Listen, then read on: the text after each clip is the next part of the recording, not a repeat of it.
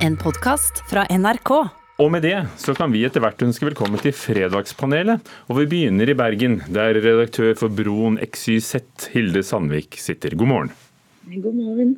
Og du er også programleder for radioprogrammet og dermed også podkasten Norsken, svensken og dansken. Og det skal vi få glede av eh, i dag. Dessuten er Kjell Lars Berge med. Han er professor i tekstvitenskap og finner snart sin plass på stolen. Og Monica Sjango, som er filmskaper og forfatter. Vi kan høre de installerer seg her. Monica Sjango, dette er første gang du er i Fredagspanelet. God morgen. Har du fått hodetelefonene på? Nå er hodetelefonene på, og Kosmos nesten i balanse.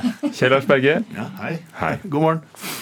Neste uke er det gått 15 år siden danske Jyllandsposten trykket karikaturer som skulle forestille profeten Mohammed, og det førte til opptøyer flere steder i verden. Etter hvert ble også både Danmarks og Norges ambassader i Damaskus angrepet og påtent. Disse karikaturene ble også trykket i Norge, av flere aviser, ikke bare Dagen.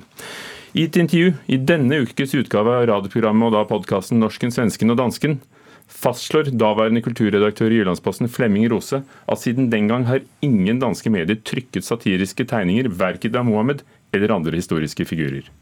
Men, men man må si i dag at, øh, at, at Jyllandsposten og dansk presse uh, tapte den kamp om uh, den prinsipielle rett til at, uh, at, at, publisere også satiriske tegninger av historiske figurer, for det er det ikke noen som gjør i dag for det er det ingen som gjør i dag. Spørsmålet er er Jyllandsposten og andre feige som ikke trykker tegningen igjen? Kjell Lars Berge? Uh, nei. Monica Sjango? Nei. Hilde Sandvik? Jeg er nødt til å si ja, jeg, da. Uh, og, jeg men, fikk... og, jeg mener det òg. Det, det, er ikke bare for, for å skape splid.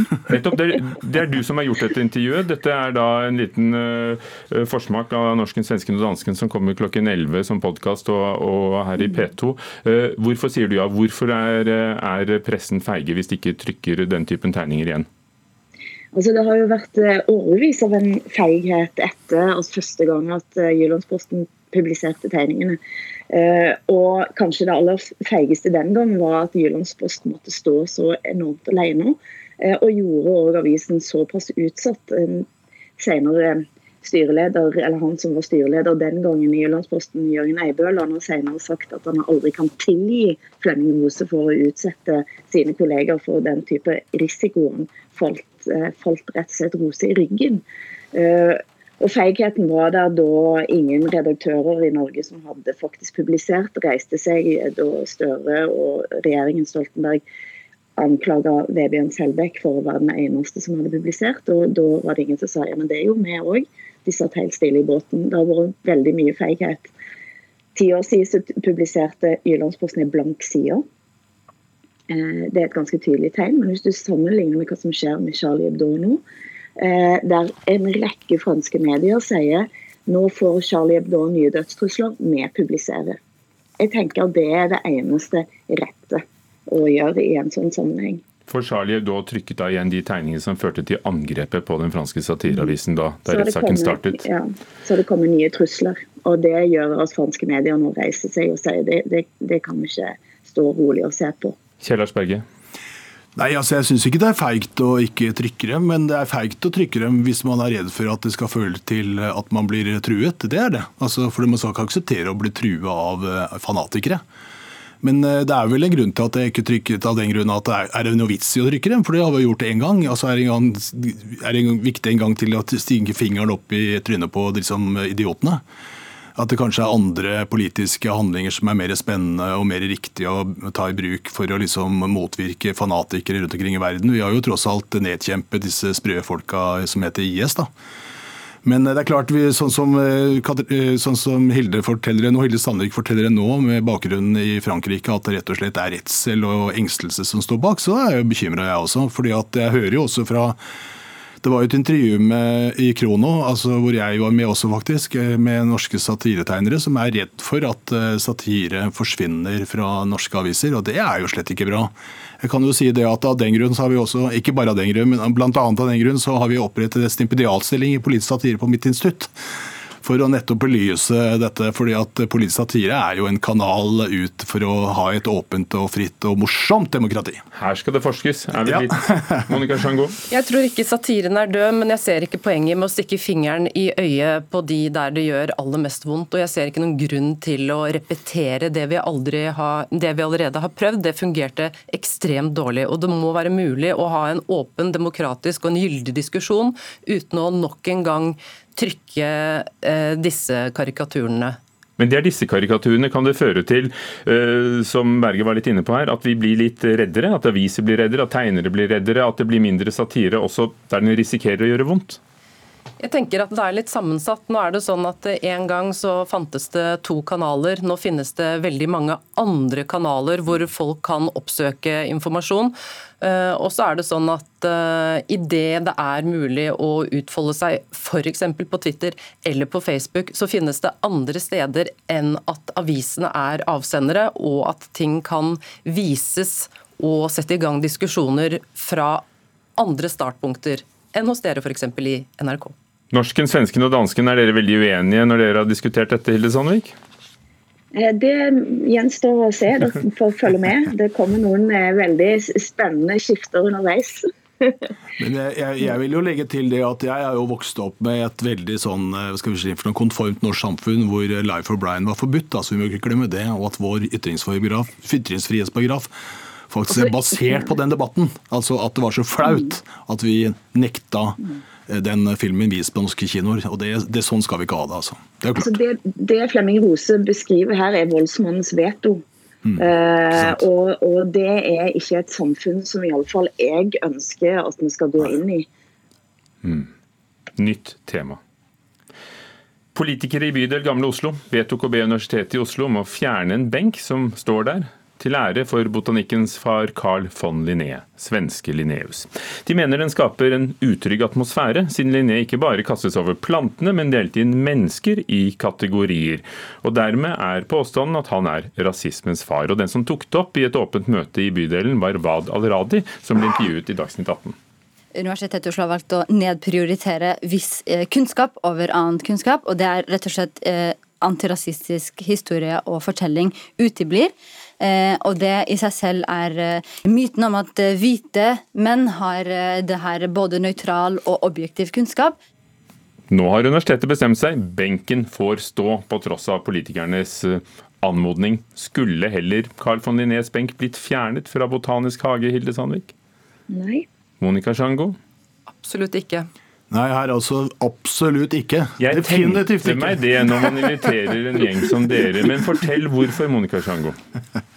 Altså, jeg tenker at man får en enorm ryddejobb dersom man med blikket til 2020 skal rydde opp i århundrer med historie.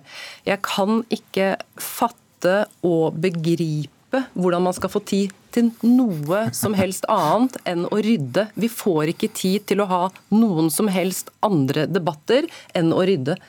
Eh, jeg tenker at Carl von Linné gjorde den jobben han gjorde med sine øyne i den tiden, og vi kan ikke i alle dager si at han er rasismens far. Det stemmer ikke. Eh, nå vet jeg at du eh, har skrevet mye om Carl von Linné i, morgen.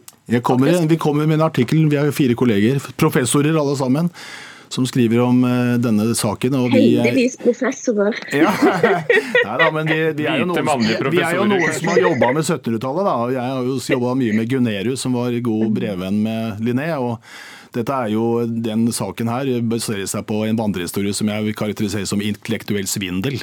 Mm. Fordi at Linnaeus han eh, delte mennesket opp i typer, og ikke raser. Raser er et begrep han overhodet ikke brukte. Han talte ikke fordelaktig om alle mennesker. Typer, Nei, men altså, Han snakka ikke fordelaktig om svensker heller, kan man si. Nei, altså Det er jo Den typen liksom, litt sånn fordomsfulle karakteristikker i sånn klassifikasjoner er jo veldig typisk for 1600-1700-tallet. Det er en, en tidlig antropologi vi snakker om. Altså Et forsøk på en måte å forstå mennesket som man forstår naturen. da. Og du må jo ikke glemme at Linnaeus var dypt religiøs. altså For han var naturen Guds bok. Det var å lese den på den måten og fortolke Guds system. Og Det var ikke sånn at han oppfatta noen mennesketyper, da, for han brukte ikke ordet rase. Det er et annet, det er forresten et, et altså Raser fins ikke. Det er jo en Bare det er jo svindel i seg selv. Men altså, det han mente var at de hadde ulike egenskaper avhengig av hvilket miljø vi vokste opp i. Det er altså en begynnende slags økologi som kommer. og hans Viktig arvtaker er jo Alexander Humboldt. og Hvis man nå leser seg opp litt på Alexander Humboldt, eksempel, så vet man at han var meget aktiv i kampen mot slaveriet. Så her skal man være litt mer informert. Jeg tror kunnskapsnivået blant disse debattantene som mener sterkt om dette, bør opp, og de må gjerne komme til universitetet og bli belært, ja. Hilde Sandvik av deg, blant andre. Kom igjen, Hilde Sandvik. Her er jeg ganske krass, unnskyld. Den er, nydelig. Uh, nei, uh, og siden det blir sagt så veldig mange nydelige, vakre ting her, så kan jeg si at som den, uh, da jeg vokste opp i Sandvik i Erfjord, langt fra folk, så var mitt første møte med botanikken var Linnéblomsten, som jeg syns var det vakreste. Og det var det som var starten på det som jeg prøvde å lage til et herbarium. Som jeg, som jeg aldri helt fikk til. og Iallfall ikke sånn som min far klarte det. Så min første sånn slags interesse for å springe rundt og kikke på blomster, det kom via Linnea-blomsten, som jeg også kalte etter Carl von Linné. Så jeg har tenkt på blomstene den siste uka, for å ikke hisse meg altfor masse opp. Jeg tenker at skolering er en nøkkel Gå og les noen historiebøker. Altså, det samme sier jeg, og det finnes altså en utmerket bok som er skrevet om dette av Gunnar Broberg. Verdens fremste ekspert for Linné kom ut i fjor. Den kan man låne. Den kan man kjøpe. Boktips også. Ja. Nytt tema. En undersøkelse viser at norske barn og unge fra 9 til 18 knapt forholder seg til norsk i sin hverdag på digitale medier og spill og alt mulig. De gamer på engelsk, de chatter på engelsk, og de lytter til engelsk. Og Språkrådets direktør Åse Vetås forlanger norsk innhold. All flerspråklighet er jo eh, positive, men det er ikke flerspråklighet at tilbudet bare finnes på engelsk. Hvis vi skal ha reelle flerspråklighet, så må det òg bl.a. være et godt tilbud på norsk. Åse er bekymret, men er det kanskje helt greit, Monica Sjango? Altså, akkurat i dag, rett før jeg kom opp hit, så så jeg at et spill som heter Embellished, et norskspråklig spill, får supre kritikker. Så det lages ting på norsk. Så det er et ja eller nei? Eh, det er et um, ja. Tja. Sandvik, er det greit at de bare sitter med engelsken sin? Altså, jeg er jo på sånn tja-nei, jeg òg. Så visste jeg jo at jeg skulle være, sitte, sitte her. Eh, og jeg tenkte at da, da, kan vi få en ny forelesning. Så det, jeg lener meg fint tilbake og tenker at her kommer svaret. Men nei, nei altså, jeg satt jo i, språk, jeg, jeg satt i Språkrådet sin ekspertgruppe som la fram en liten rapport som da skulle legge føringer for ny norsk språklov. Og Dette var jo en av de tematikkene som, som vi diskuterer der. Mm. Eh, mediemangfold rett og slett, og språkmangfold. Og der, Hvis jeg kan da komme inn med den nordiske kjepphesten igjen, mm. så er det også sånn at vi har faktisk en mulighet til å gå til de nære dialektene på en måte som norsk og dansk er. da. Eh, og, og, ha en, en, større slagkraft. For det selvfølgelig så er det kjempe, en kjempeutfordring at så mye av medietilbudet kommer til å skje på engelsk og skjer på engelsk. Og, Tror du Monica Chang, at du ville fått unge mellom 9 og 18 til å sitte der og velge seg dansk spill? Nei, Det tror jeg faktisk ikke. Altså, Jeg har selv brukt mye av ungdomstiden min både i Sverige og Danmark, og elsker både svenske og det danske språk. Men jeg tror at vi må slutte litt å se på oss selv som en isolert enhet, og tenke at vi kan kreve at uh, ting skal bare produseres på norsk. Jeg tenker at uh, fordi at det altså, Barna kommer til å søke der hvor innholdet er best. Og vi kan stimulere det, ja, men jeg er usikker på om det er mulig å lage innhold 24-7 som er Unnskyld. så godt som i andre kilder. Altså, er, er, det kvalitet på norsk, så vil ungdom bruke det, tenker jeg. Og jeg mener igjen kan jeg ta en liten referanse til egne erfaringer. altså jeg har vokst opp på 60-tallet med engelskspråklig musikk. ikke sant? Altså Norskspråklig rock fantes ikke. Det var jo, De grader fantes, var det jo en ren skandale. Det tok veldig mange år før det kom ut bra norsk musikk på, på, på, på norsk. altså. Sånn at eh, Jeg er vokst opp med engelskspråklig virkelighet i populærkulturen eh, hele mitt liv. Og jeg lærte meg engelsk ved å høre på musikk på engelsk. Jeg lærte veldig dårlig engelsk på skolen, kan jeg si. Og det tror jeg er litt det samme her, sånn at vi har denne komplekse mediesituasjonen. Så er det klart engelsk finnes overalt, og det er vel for så vidt greit. Eh, sånn er verden. Men eh, veldig bra at man satser også norsk. Men det får vi se om det blir bra nok, da. Det er mitt synspunkt. Jeg bare lurer på, Finnes den undersøkelsen hvor man snakker om at norske barns språk blir dårligere fordi de spiller på engelsk? Jeg tror ikke det. Jeg tror at idet man lærer seg mange språk, så behersker man også sitt eget godt. Den undersøkelsen finnes ikke. Med det sier jeg takk til dere, Fredagspanelet. Hilde Sandvik fra Broen XYZ. Norsken, svensken og dansken kommer på P2 og som podkast klokken 11 på søndag. Kjell Lars Berge, professor ved Universitetet i Oslo. Monica Sjango, filmskaper og forfatter.